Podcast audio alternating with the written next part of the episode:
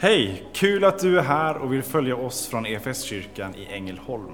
Du kommer nu att få se eller höra en predikan från en av våra gudstjänster. Har du några frågor eller vill veta mer om oss som kyrka så kan du alltid gå in på www.efskyrkan.info. Vill du ha tillgång till mer undervisning eller ta del av våra inspelade konferenser eller gudstjänster gå gärna in på vår play-kanal efskyrkan.tv. Nu ska vi lyssna på denna veckas predikan. Tack Herre att vi får vara inför ditt ansikte. Herre, jag vill nu att ditt ord ska få tala till oss. Ditt ord har skapat universum. Ditt ord förvandlar. Låt det forma oss, låt det träffa oss, låt det drabba oss, Herre. Så att vi får bli mer lika dig Jesus.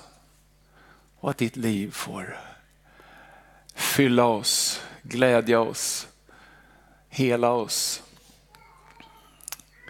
Och att ditt ord får gå ut genom oss till våra medmänniskor runt omkring. Låt ditt ord tala, jag ber Herre. I Jesu namn. Amen. Amen.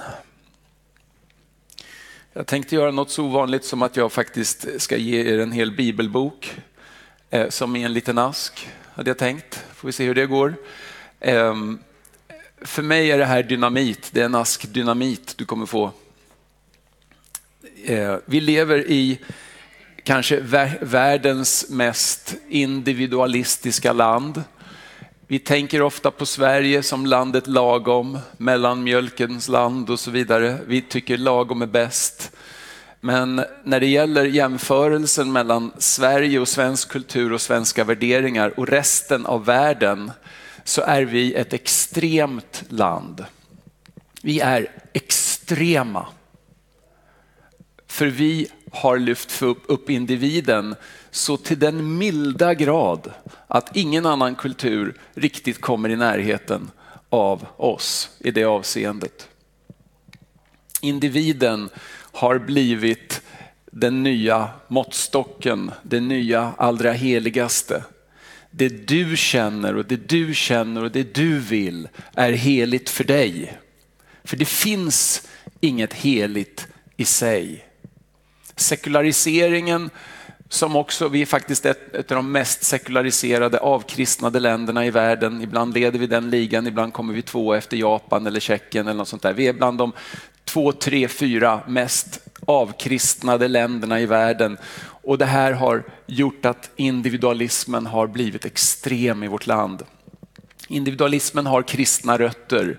Du som in, det är väckelserötter. Du som individ är värdefull och sedd och älskad av Gud. Och du som individ måste vända om och ta emot. Det här har förkunnats i Sverige, det här har spridits över världen. Sverige var tillsammans med Norge det land som sände ut flest missionärer i världen eh, per capita eh, under typ andra halvan av 1800-talet. Nu är det som att den onde har tagit, hur ska jag säga, det svenska evangeliet, eller evangeliet som det har spridits i Sverige och vänt till sin motsats. Använt gåvan för att vända den mot givaren, gåvogivaren.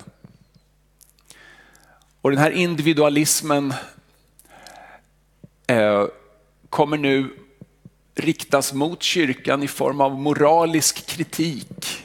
Vi är onda. Är du, tror du på Jesus, tror du på Bibeln så är du ond. För du är intolerant. Du, du, du kränker människor. Din blotta tro kränker människor idag. Inte alla i samhället, men, men det, det här håller på att bli starkare och starkare. Och eftersom vi är så angelägna om att uppfattas som goda så blir vi sårbara på ett sätt som inte är bibliskt. Vi blir sårbara på det sättet att vi väldigt lätt tar kulturens bild av godhet, läser in den i Jesus, läser in den i Bibeln och läser in den i vår egen identitet och tänker, ja ah, men då får vi böja oss, då får vi backa. Vi får inte framstå som onda, vi får inte framstå som intoleranta. Är det något vi absolut aldrig någonsin får så är det det. Och då går vi runt en massa bibelord, vi, vi, vi tonar ner, vi slipar av. Och så tror vi att det är vägen framåt. Ja, det är väl ungefär vägen framåt. Vi har stått, vi har stått på ruinens brant och sen dess har det bara gått framåt. Ja, precis. Det är det det gör. Det går neråt. Det går inte framåt.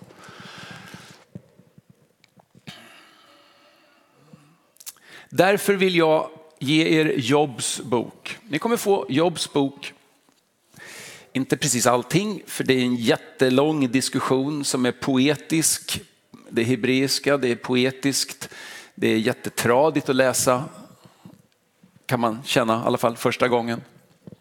En lång diskussion och det är alltid lite svårt när folk grälar på poetiska. För då, då, då liksom, det slår en inte riktigt hur hemska de är mot varandra. Men det är de. Det blir världens gräl.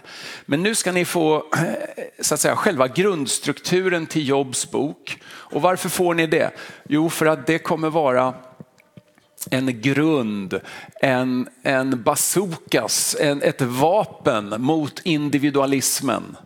Ett skydd mot individualismen. Att du, då kommer du få hjälp att sätta det i proportion och se det från Guds perspektiv. Det är vad jag hoppas.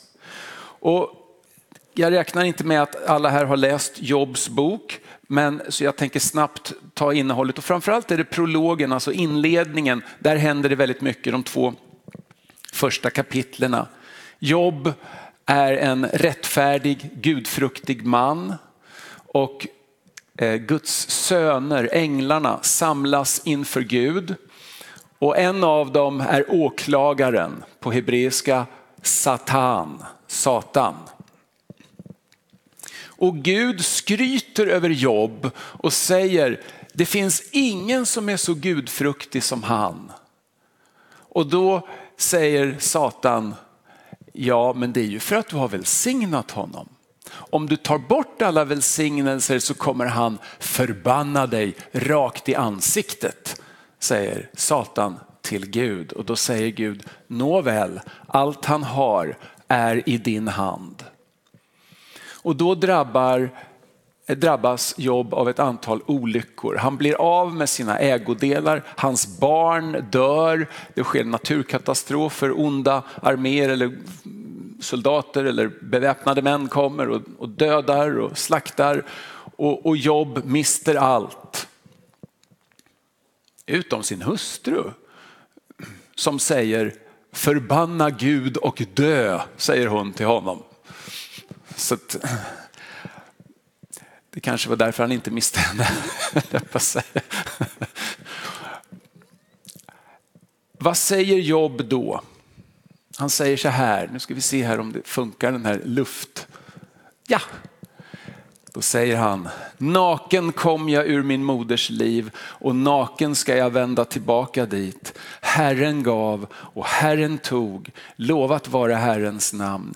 Vid allt detta syndade inte Jobb, han kom inte med någon anklagelse mot Gud så upprepar sig det här en gång till. Guds söner möts, inför, änglarna möts inför Gud, Satan är med och, och Gud säger samma sak. Trots att du uppeggade mig mot honom, säger Gud till Satan, så har han inte ehm, eh, syndat eller anklagat Gud eller så. Och då säger djävulen, den onde, hud mot hud, alltså Ja, ja, men han har, han har inte blivit angripen själv. Han har bara mist sina, det han har. Nåväl, han är i din hand, säger Gud. Och då kommer, eh, blå, eh, då kommer bölder på, på Jobs kropp och han sitter och skrapar sig. Och även efter det då så, så säger Job, om vi tar emot det goda av Gud ska vi inte också ta emot det onda. Under allt detta syndade inte Jobb med sina läppar. Det här är liksom startscenen för den långa diskussion som sen kommer. Jobs bok handlar om lidandet, men det svarar inte, boken svarar inte på lidandets problem. Utan här har du ett oskyldigt lidande. Den mest gudfruktige mannen på jordklotet får lida oskyldigt därför att han är gudfruktig. Han har så att säga provocerat den onde och, Gud, och den onde, Satan, provocerar Gud tillbaka och säger det är ju bara för att du har välsignat honom. Och trots att boken inte säger det så verkar det som om att Gud, jag tror vi kan läsa in det eller läsa ut det mellan raderna. Det verkar som att Gud säger, min relation med människan är på riktigt. Människor kan älska mig på riktigt. Människor kan vara gudfruktiga på riktigt. Och om jobb inte är det på riktigt, om hans gudsfruktan är en fasad, då finns det ingen människa som kan inträda i en relation med Gud utifrån att de är Guds avbild, att det finns en kärleksfull gemenskap mellan Gud och människa. Det är omöjligt och jag gissar att det är det som triggar Gud till att tillåta den onde att eh, plåga jobb. Det är på den ondes initiativ som plågan sker och det är den onde som genomför det. Det är lite tankar om ondskans problem, men, men ondskans problem och lidandets problem är inte fokus för boken, utan bok, boken är istället en vishetslitteratur som handlar om när du lider, vilken attityd är den rätta då? Oavsett hur man förklarar varför eller vad som är anledningen till lidandet. Vad är den visa attityden i lidande? Jag tror att det är det boken vill svara på. Och det som händer här då, då är att Jobb anklagar inte Gud. De här två ställena som vi läste är ganska mycket huvudpoängen med boken, men det återkommer sen längre fram som vi ska komma in på. Naken kom jag. Allt jag har fått har jag fått gratis. Om jag mister det så är det aldrig en grund för att anklaga, för jag fick det gratis. Jag fick det gratis. Gud har gett det gratis. Gud har i princip rätten att ta det tillbaka. Det är Jobs attityd. Naken kom jag, naken går jag. Men vännerna, då kommer då tre vänner. Det är Elifas, Bildad och so, eh, vad heter han nu då? Sofa. Ja. Sofar. Och de sitter med jobb en hel vecka och sörjer med honom. Det är ju en själavårdsinsats av rang, det får man ju säga. En hel vecka sitter de med honom och är tysta. Men sen börjar de tala, de dristar sig till att tala och den äldste då, Elifas, börjar med att säga, han börjar ifrågasätta. För de utgår ifrån en vedergällningslära, de utgår ifrån att Gud är rättfärdig och världen är rättfärdig. Tillvaron är rättfärdig och rättvis och ingen rök utan eld. Och då ska vi se, Elifas säger, tänk efter. När gick en oskyldig förlorad? Och var gick de rättsinniga under? Bildad säger, jag har sett att de som plöjer fördärv och sår olycka, de skördar sådant. Ingen rök utan eld. Om du drabbas av det här jobb så beror det på att du är skyldig. Vilken är din synd? För annars är Gud orättfärdig. Annars är Gud orättvis. Jobb svarar sina vänner. Nej, det där var ytterligare en av vännerna som säger Kan Gud kränka rättvisan? Kan den allsmäktige kränka rättfärdigheten? Underförstått, nej självfallet inte. Men Job svarar sina vänner och säger, jag är oskyldig. Jag, jag vill inte veta av mig själv, jag är trött på att leva. Men han håller fast vid att han är oskyldig. Han är oskyldig. Ehm, och Job säger även att, här nästa då, just det, han säger till Gud, du letar ju efter min missgärning och söker efter min synd. Du som vet att jag är oskyldig och att ingen kan rädda ur din hand. Så Job säger jag är oskyldig och Job säger Gud vet att jag är oskyldig. Alltså det här är inte ett straff som jag förtjänar. Det är inte därför jag lider.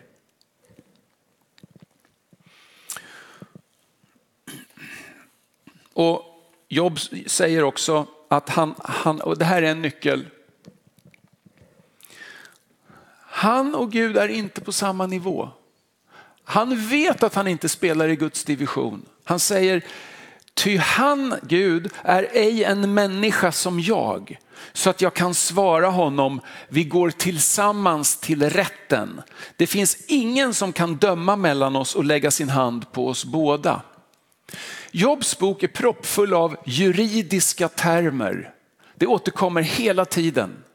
Satan, åklagaren, eh, rätten, eh, bevis, ge, ge mig själen, jag är oskyldig. Eh, vem kan lägga sin hand på oss båda? En domare som står över båda. Job säger, det finns ingen domare som står över Gud, därför så finns det ingen instans som möjliggör en rättstvist mellan mig och Gud. Det går inte, det är omöjligt. Han vet det och han säger det.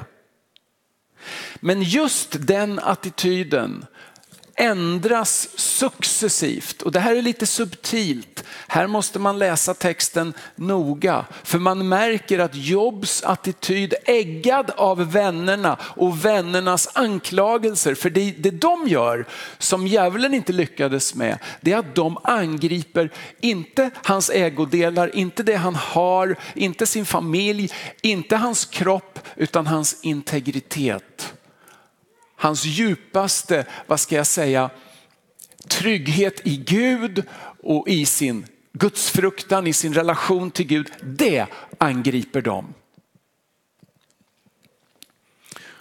Och det gör att Job börjar önska sig en rättstvist med Gud. Han säger sådana här saker. Men jag vill tala till den allsmäktige. Jag önskar försvara mig mot Gud. Och han säger ännu längre fram sen, jag skulle lägga fram min sak inför honom, fylla min mun med bevis.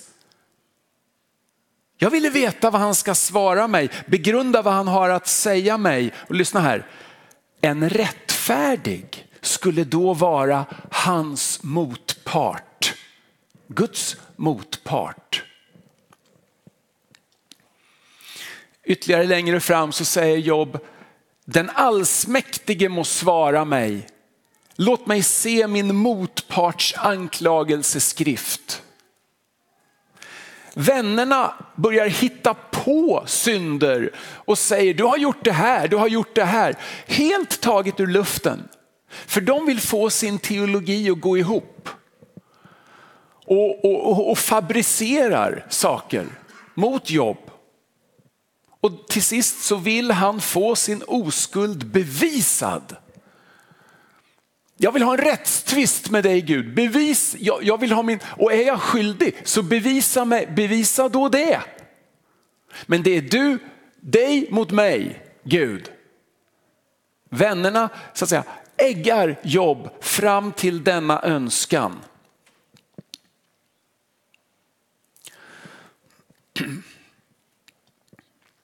Och att det här är en korrekt förståelse av, av, av diskussionen tror jag framkommer sen av Guds tal. För boken slutar med att Gud talar till Jobb. Och det, de det talet, eller det två talen, de, de är så proppfulla av ironi.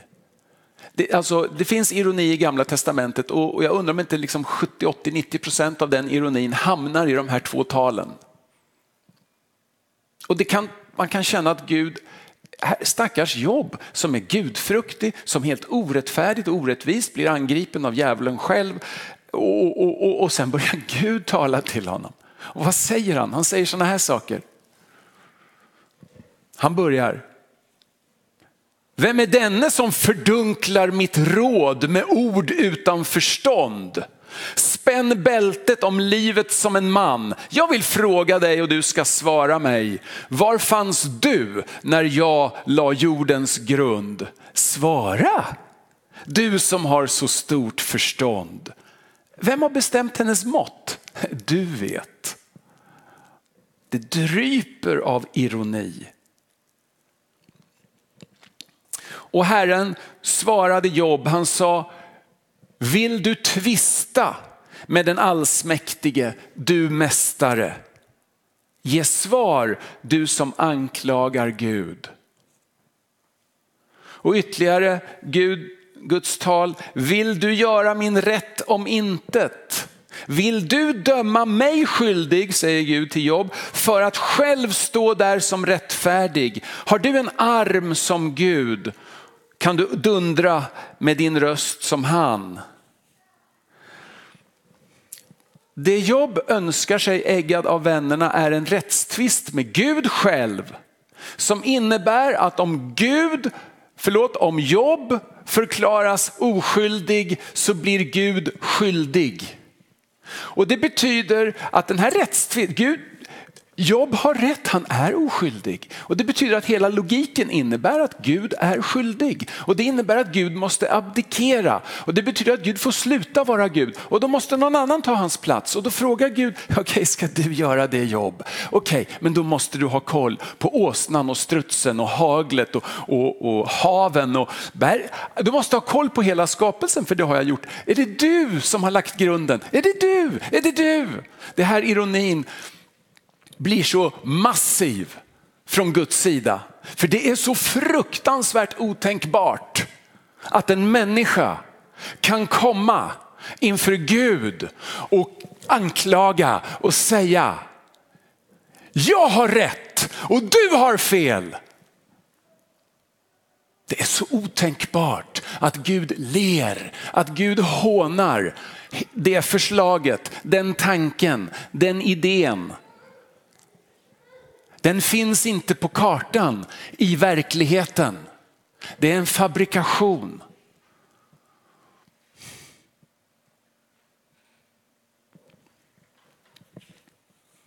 Vem är denne som fördunklar mitt råd med ord utan förstånd?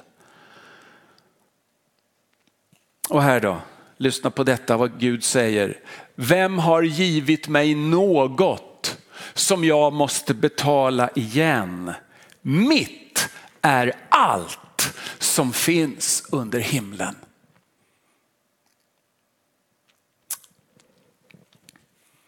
Och Jobb omvänder sig från sitt krav. Han omvänder sig inte från någon ursprunglig synd som rättfärdigade hans lidande eller, eller så. Nej, nej, nej, utan det är det som vännerna har äggat honom till. Det är den önskan han vänder om ifrån och säger, jag har ordat om vad jag ej begrep, om sånt som var för underbart för mig och som jag ej förstod. Därför tar jag tillbaks allt och ångrar mig i stoft och aska.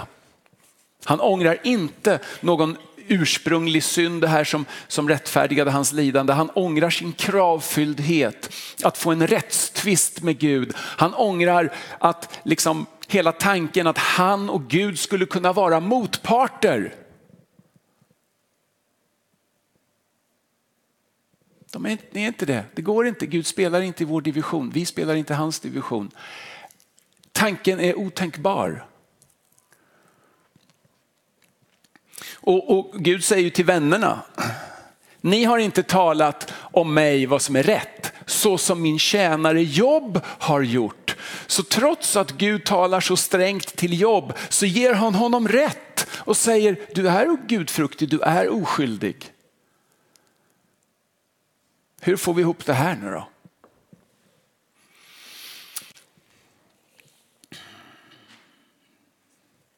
Lidande skapar lätt en, det är en prövning, för det blir lätt en frestelse. Lidande kan leda oss till tron att det vi drabbas av är orättvist. Som om vi hade rättigheter inför Gud, vilket vi inte har. Om du får leva två år och sen dör som tvååring, om du får leva i 12 år och dör som tolvåring, om du får leva i 22 år eller i 52 eller i 82 eller i 102 år. Varenda sekund du levt är en sekund av nåd som du fått gratis. Och du kan inte kräva att få en enda sekund till. Ja, men varför är det inbakat i mig att önska mig ett fullödigt liv och så vidare? Ja, det kan vara inbakat, det kan vara rätt, det kan vara Guds ursprungstanke, absolut. Men inget av det ger dig någon rätt till en sekund till. För det är en sekund av nåd, varenda sekund är nåd. Varenda andetag du tar är nåd som du har fått gratis. Inför andra människor och inför svenska staten och inför Ängelholms kommun så har du rättigheter i kraft av att du är skapad till Guds avbild. I kraft av att du är en värdefull människa. Men i relation till Gud har du inga rättigheter. Whatsoever.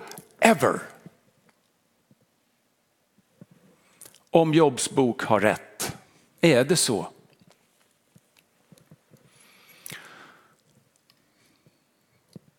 Jag sa att det var en, en, ni får Jobs bok som ett paket och det är ett kraftpaket. I alla fall i vår sekulariserade individualistiska tid så är det här dynamit. Och problemet är att vi kristna har inte levt riktigt kanske med den här bibliska gudsbilden. Vi har likt jobb tänkt oss eller äggats till, vi har kanske inte ens äggats, vi har kanske manipulerats eller, eller långsamt kommit att acceptera tanken att vi är Guds jämlikar. Och att, vi, att det ens finns något utrymme för oss att hytta näven mot Gud och säga Gud, jag har rättigheter, du får inte göra så här mot mig. Det är han som har gett dig näven. när du tar spjärn mot en upplevd oförrätt, när du tar spjärn mot en moralisk norm som säger det här är gott och det här är ont. Den moraliska normen, varifrån kommer den? Från Herren. Du kan varken, du kan varken ta spjärn mot något eller anklaga något om du inte gör det baserat på all den nåd som du har fått rent gratis av honom redan. Du har inget utrymme att anklaga Gud. Det existerar inte något sådant. Varför inte det då? Det är enkelt. Den första, lär, den första satsen i trosförkunnelsen. Vi tror på Gud fader, skaparen av himmel och jord. Något i den stilen. Jag är så oliturgisk, jag har, inte, jag har ju sagt det här tusen gånger. Men Tack, ja. Gud har skapat allt. Dra de logiska följderna av det. Han har skapat det, inte för att han har format det ur någonting som han själv inte gjort. Har han format det så är det för att han, det är hans eget stuff. Det var ju någon sån här rolig, berätt, rolig historia, kanske hört om den, om några vetenskapsmän skulle tävla med Gud genom att, att skapa liv. Och då säger vetenskapsmännen, först tar man lite jord och då säger Gud så här, ajabaja, ta din egen jord, inte min. Min poäng är bara, Gud har format oss ur ingenting. Han har skapat världen ur ingenting. Det är ett radikalt ägande av allt som Gud har. För det är hans, för han har skapat det ur intet. Han äger det. Och du är en del av det som han äger. Och Det betyder att han har rätt att göra vad han vill med det som är hans. Och du är hans. Och han får göra vad han vill med dig. Precis vad han vill. Om han vill snuff you out of existence, om han vill bara se till att du inte finns längre så får han göra det. Och han har ingen redovisningsplikt i relation till dig. Han behöver inte berätta någonting om varför. Allt du har fått är gratis. Och det får du vara tacksam för. får du tacka Gud för. Det är det enda rätta att göra. Det är den enda rätta attityden. Naken kom jag och naken ska jag gå. Lovat var Herrens namn. Det här är ingen from floskel. Det här är sanningen. Det är sanningen om den attityd som vi bör ha inför den Gud som har gjort allt ur ingenting. Eller hur? Det är den guden vi tror på. Det är den guden vi säger oss tro på. Vad följer av det? Det följer att vi får tacksamt tro på hans kärlek till oss. Men det finns inget utrymme för anklagelser. Men däremot finns det gott om utrymme för att klaga på Gud. Gud verkar inte ha något problem med att vi klagar. 60 procent av salmerna i psalmboken i, Bibeln alltså är klagosalmer. Hur, hur många klagosalmer eh, har vi i den svenska psalmboken månntro? Och tar vi ett lovsångshäfte är det ännu värre. Det finns ju knappt någon klagolovsång. Det är bara härlighet och ära hela tiden. va? Men Bibeln är realistisk och Bibeln ger utrymme för att klaga. Jag ligger på min bädd och jag gråter och Herre var ska jag ta vägen? Det är Davids ord så många gånger i Saltaren. Jobb bara klagar inför Gud, han har inga problem med det. Klagovisorna som Jeremia skriver är fyllda av, av sorg och klagan. Gud vill att vi ska klaga. Saliga de som sörjer för de ska bli tröstade. Att klaga är att leva i sanning. Men när du tar klagan och sorgen och smärtan och gör det till en anklagelse, då har du gått över en gräns. Då lämnar du verkligheten. Då är du inte sann längre. Ja men Gud, hur ska han göra? Måste inte han vara rättvis? Måste inte han? Jo, det kanske, inte, vet, inte vet jag, vet vad han, jag vet inte vad han måste. Han är den som bestämmer vad han måste, inte jag.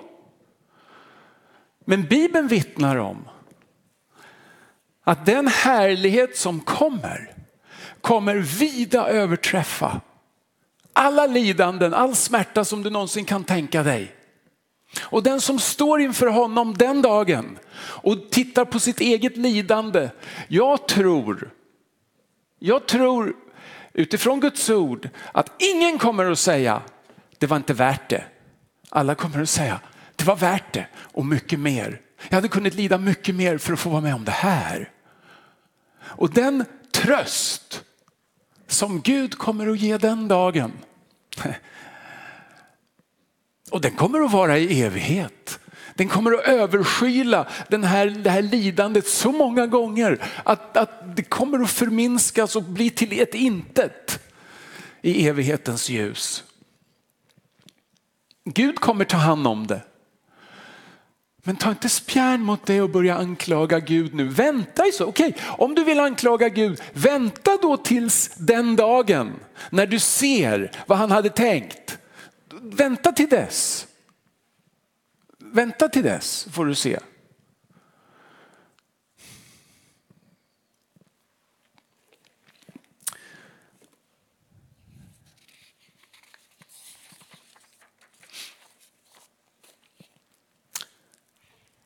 I ljuset av det här får vi en så mycket djupare förståelse av en massa andra saker i Bibeln. Gud har inga skyldigheter mot oss. Han har gett oss livet fritt och förintet. Han gör vad han vill med det som är hans. När jag pratar med ungdomar om det här, då får jag, hjälper jag dem att föreställa, jag har en bild på en legovärld. Föreställ dig att du gör en legovärld och föreställ dig att du gör legogubbar som du kan andas på och de börjar leva. Föreställ dig att du kan bestämma om de ska ha fri vilja eller inte. Föreställ dig att de, du kan bestämma hur pass rationella de ska vara. Bla bla bla. Allt det här bestämmer du bara. Hur ska, vad ska det vara för värld? Vad ska det vara för liv? Vad ska det vara för varelser? Du bestämmer det. Du skapar dem. Tänk dig sen att de här legogubbarna kommer och säger Kalle, vad du är dum. Så där kan du väl inte göra? Ja, han får göra vad han vill. Det är hans värld. Han har gjort den. Han bestämmer över den. Han kan ta isär alltihopa, han kan plocka ihop alltihop, han kan stänga ner alltihop om han vill det. Ingen kan anklaga honom för det. Ja, den enda som kan anklaga Gud är ju Gud själv i så fall. Men då får väl Gud ta hand om sin egen självanklagelse i lugn och ro. Det är väl ingenting jag kan lägga mig i. Det är Guds egen måttstock som gäller för Gud. Men märker ni då i ljuset av det här vilken enorm nåd det är att han kommer som människa och dör för dig. Det fanns, man behövde absolut inte göra det. Det fanns inget krav, ingenting. Det är nåd på nåd, varenda sekund är nåd. Att du sen får en frälsning ovanpå detta är en nåd som är ofattbar. Faktiskt, den är ofattbar. Alltså. Helgelse, vad är det? Det är ju att leva, att dö från mig själv och börja bekänna den verkligheten att Herre, jag är din redan från början, redan i utgångspunkten var jag din helt och hållet. Nu vill jag leva i den sanningen. Så jag dör från mig själv. Jag ger upp det här. Jag ger upp det här. Jag ger upp det där. Jag ger upp allt, för naken kom jag. Hela min existens är, är din. Helgelsen, ser ni? Det, det, handlar inte om att liksom lägga på någon extra fromhet som ett, en floskel. Det handlar om att leva i verkligheten. Det är sanningen. Att Gud har gett dig allt fritt och förintet. Och sanningen är att han har rätten att ta ifrån dig fritt och förintet. För du har ingen rätt till det. Du har ingen rätt till någonting i relation till Gud. Domen blir begriplig då också. Den som av all den här nåden som man redan har fått kränker andra, tar andras liv,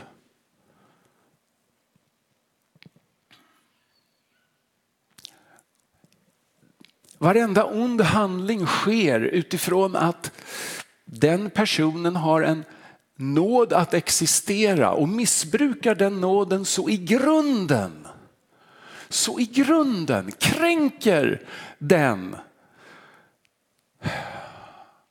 att det är ett under att Gud inte dömer snabbare. Men det är ljuset av det här som Jesus säger, det är bättre för den som förför en av mina minsta att få en kvarnsten och bli slängd i djupet. Det är bättre det än att stå inför levande Gud och ha missbrukat hans nåd så in i, i grunden.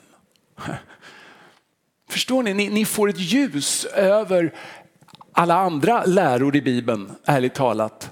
De blir starkare, mer levande, mer grundläggande när ni förstår så var det för mig i alla fall när jag förstod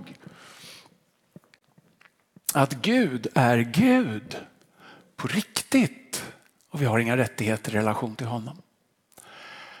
Ah, ja, jag vet att det är jobbigt här. Eh, eller jobbigt, det är både befriande och jobbigt samtidigt, tycker jag i alla fall. För du vet ju vad den här kulturen säger om det här budskapet. Du, du vet ju vilken förföljelse du kan få om du ska börja prata så här eller tänka så här.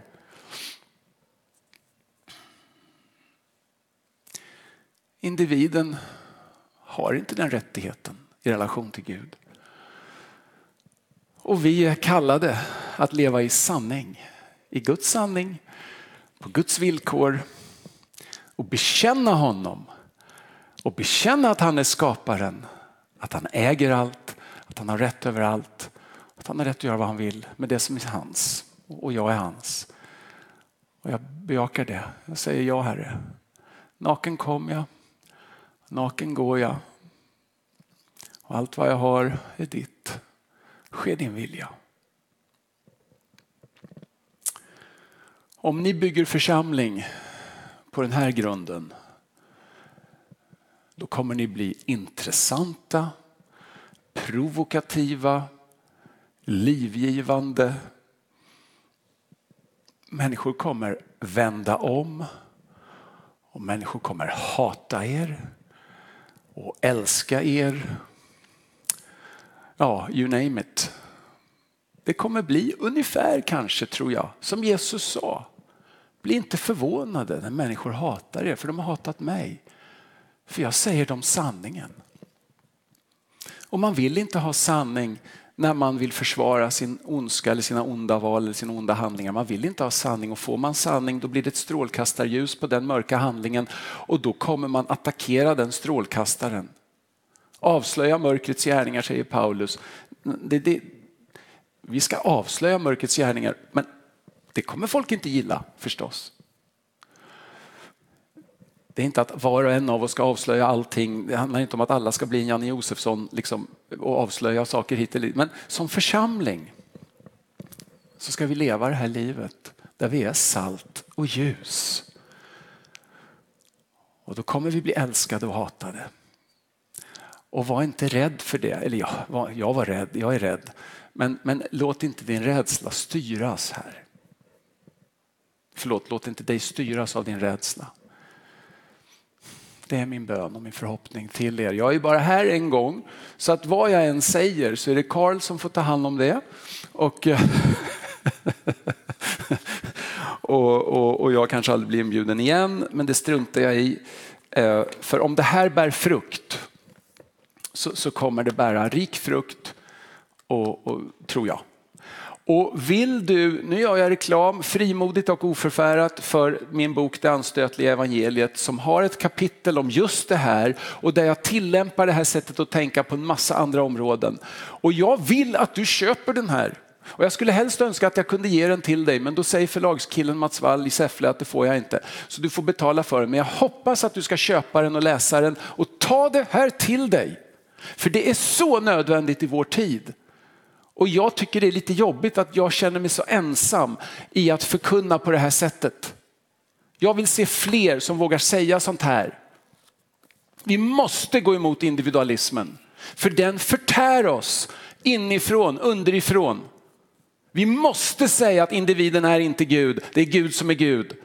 Och vi måste börja tillämpa det på de områden där det gör ont. Inte med någon hård, jobbig fyrkantig fundamentalistisk attityd utan i sanning och i kärlek och i lugn och ro. Stå för det som Guds ord gett oss. Amen, tack för det.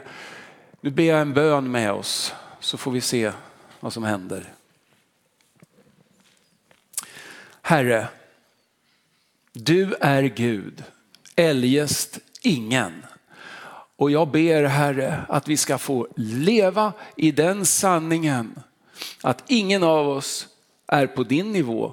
Ingen av oss har skapat ett universum, ingen av oss ger liv fritt och förintet, ingen av oss upprätthåller liv och upprätthåller universum. Ingen av oss, bara du. Du är Herre, du är skapare och du är till råga på allt vår frälsare för du har gett dig själv till oss för att du älskar oss så mycket. Jag ber att du ska hjälpa oss att dö bort från människofruktan, människohänsyn, bekvämlighet. Herre, nakna kom vi. Använd våra liv.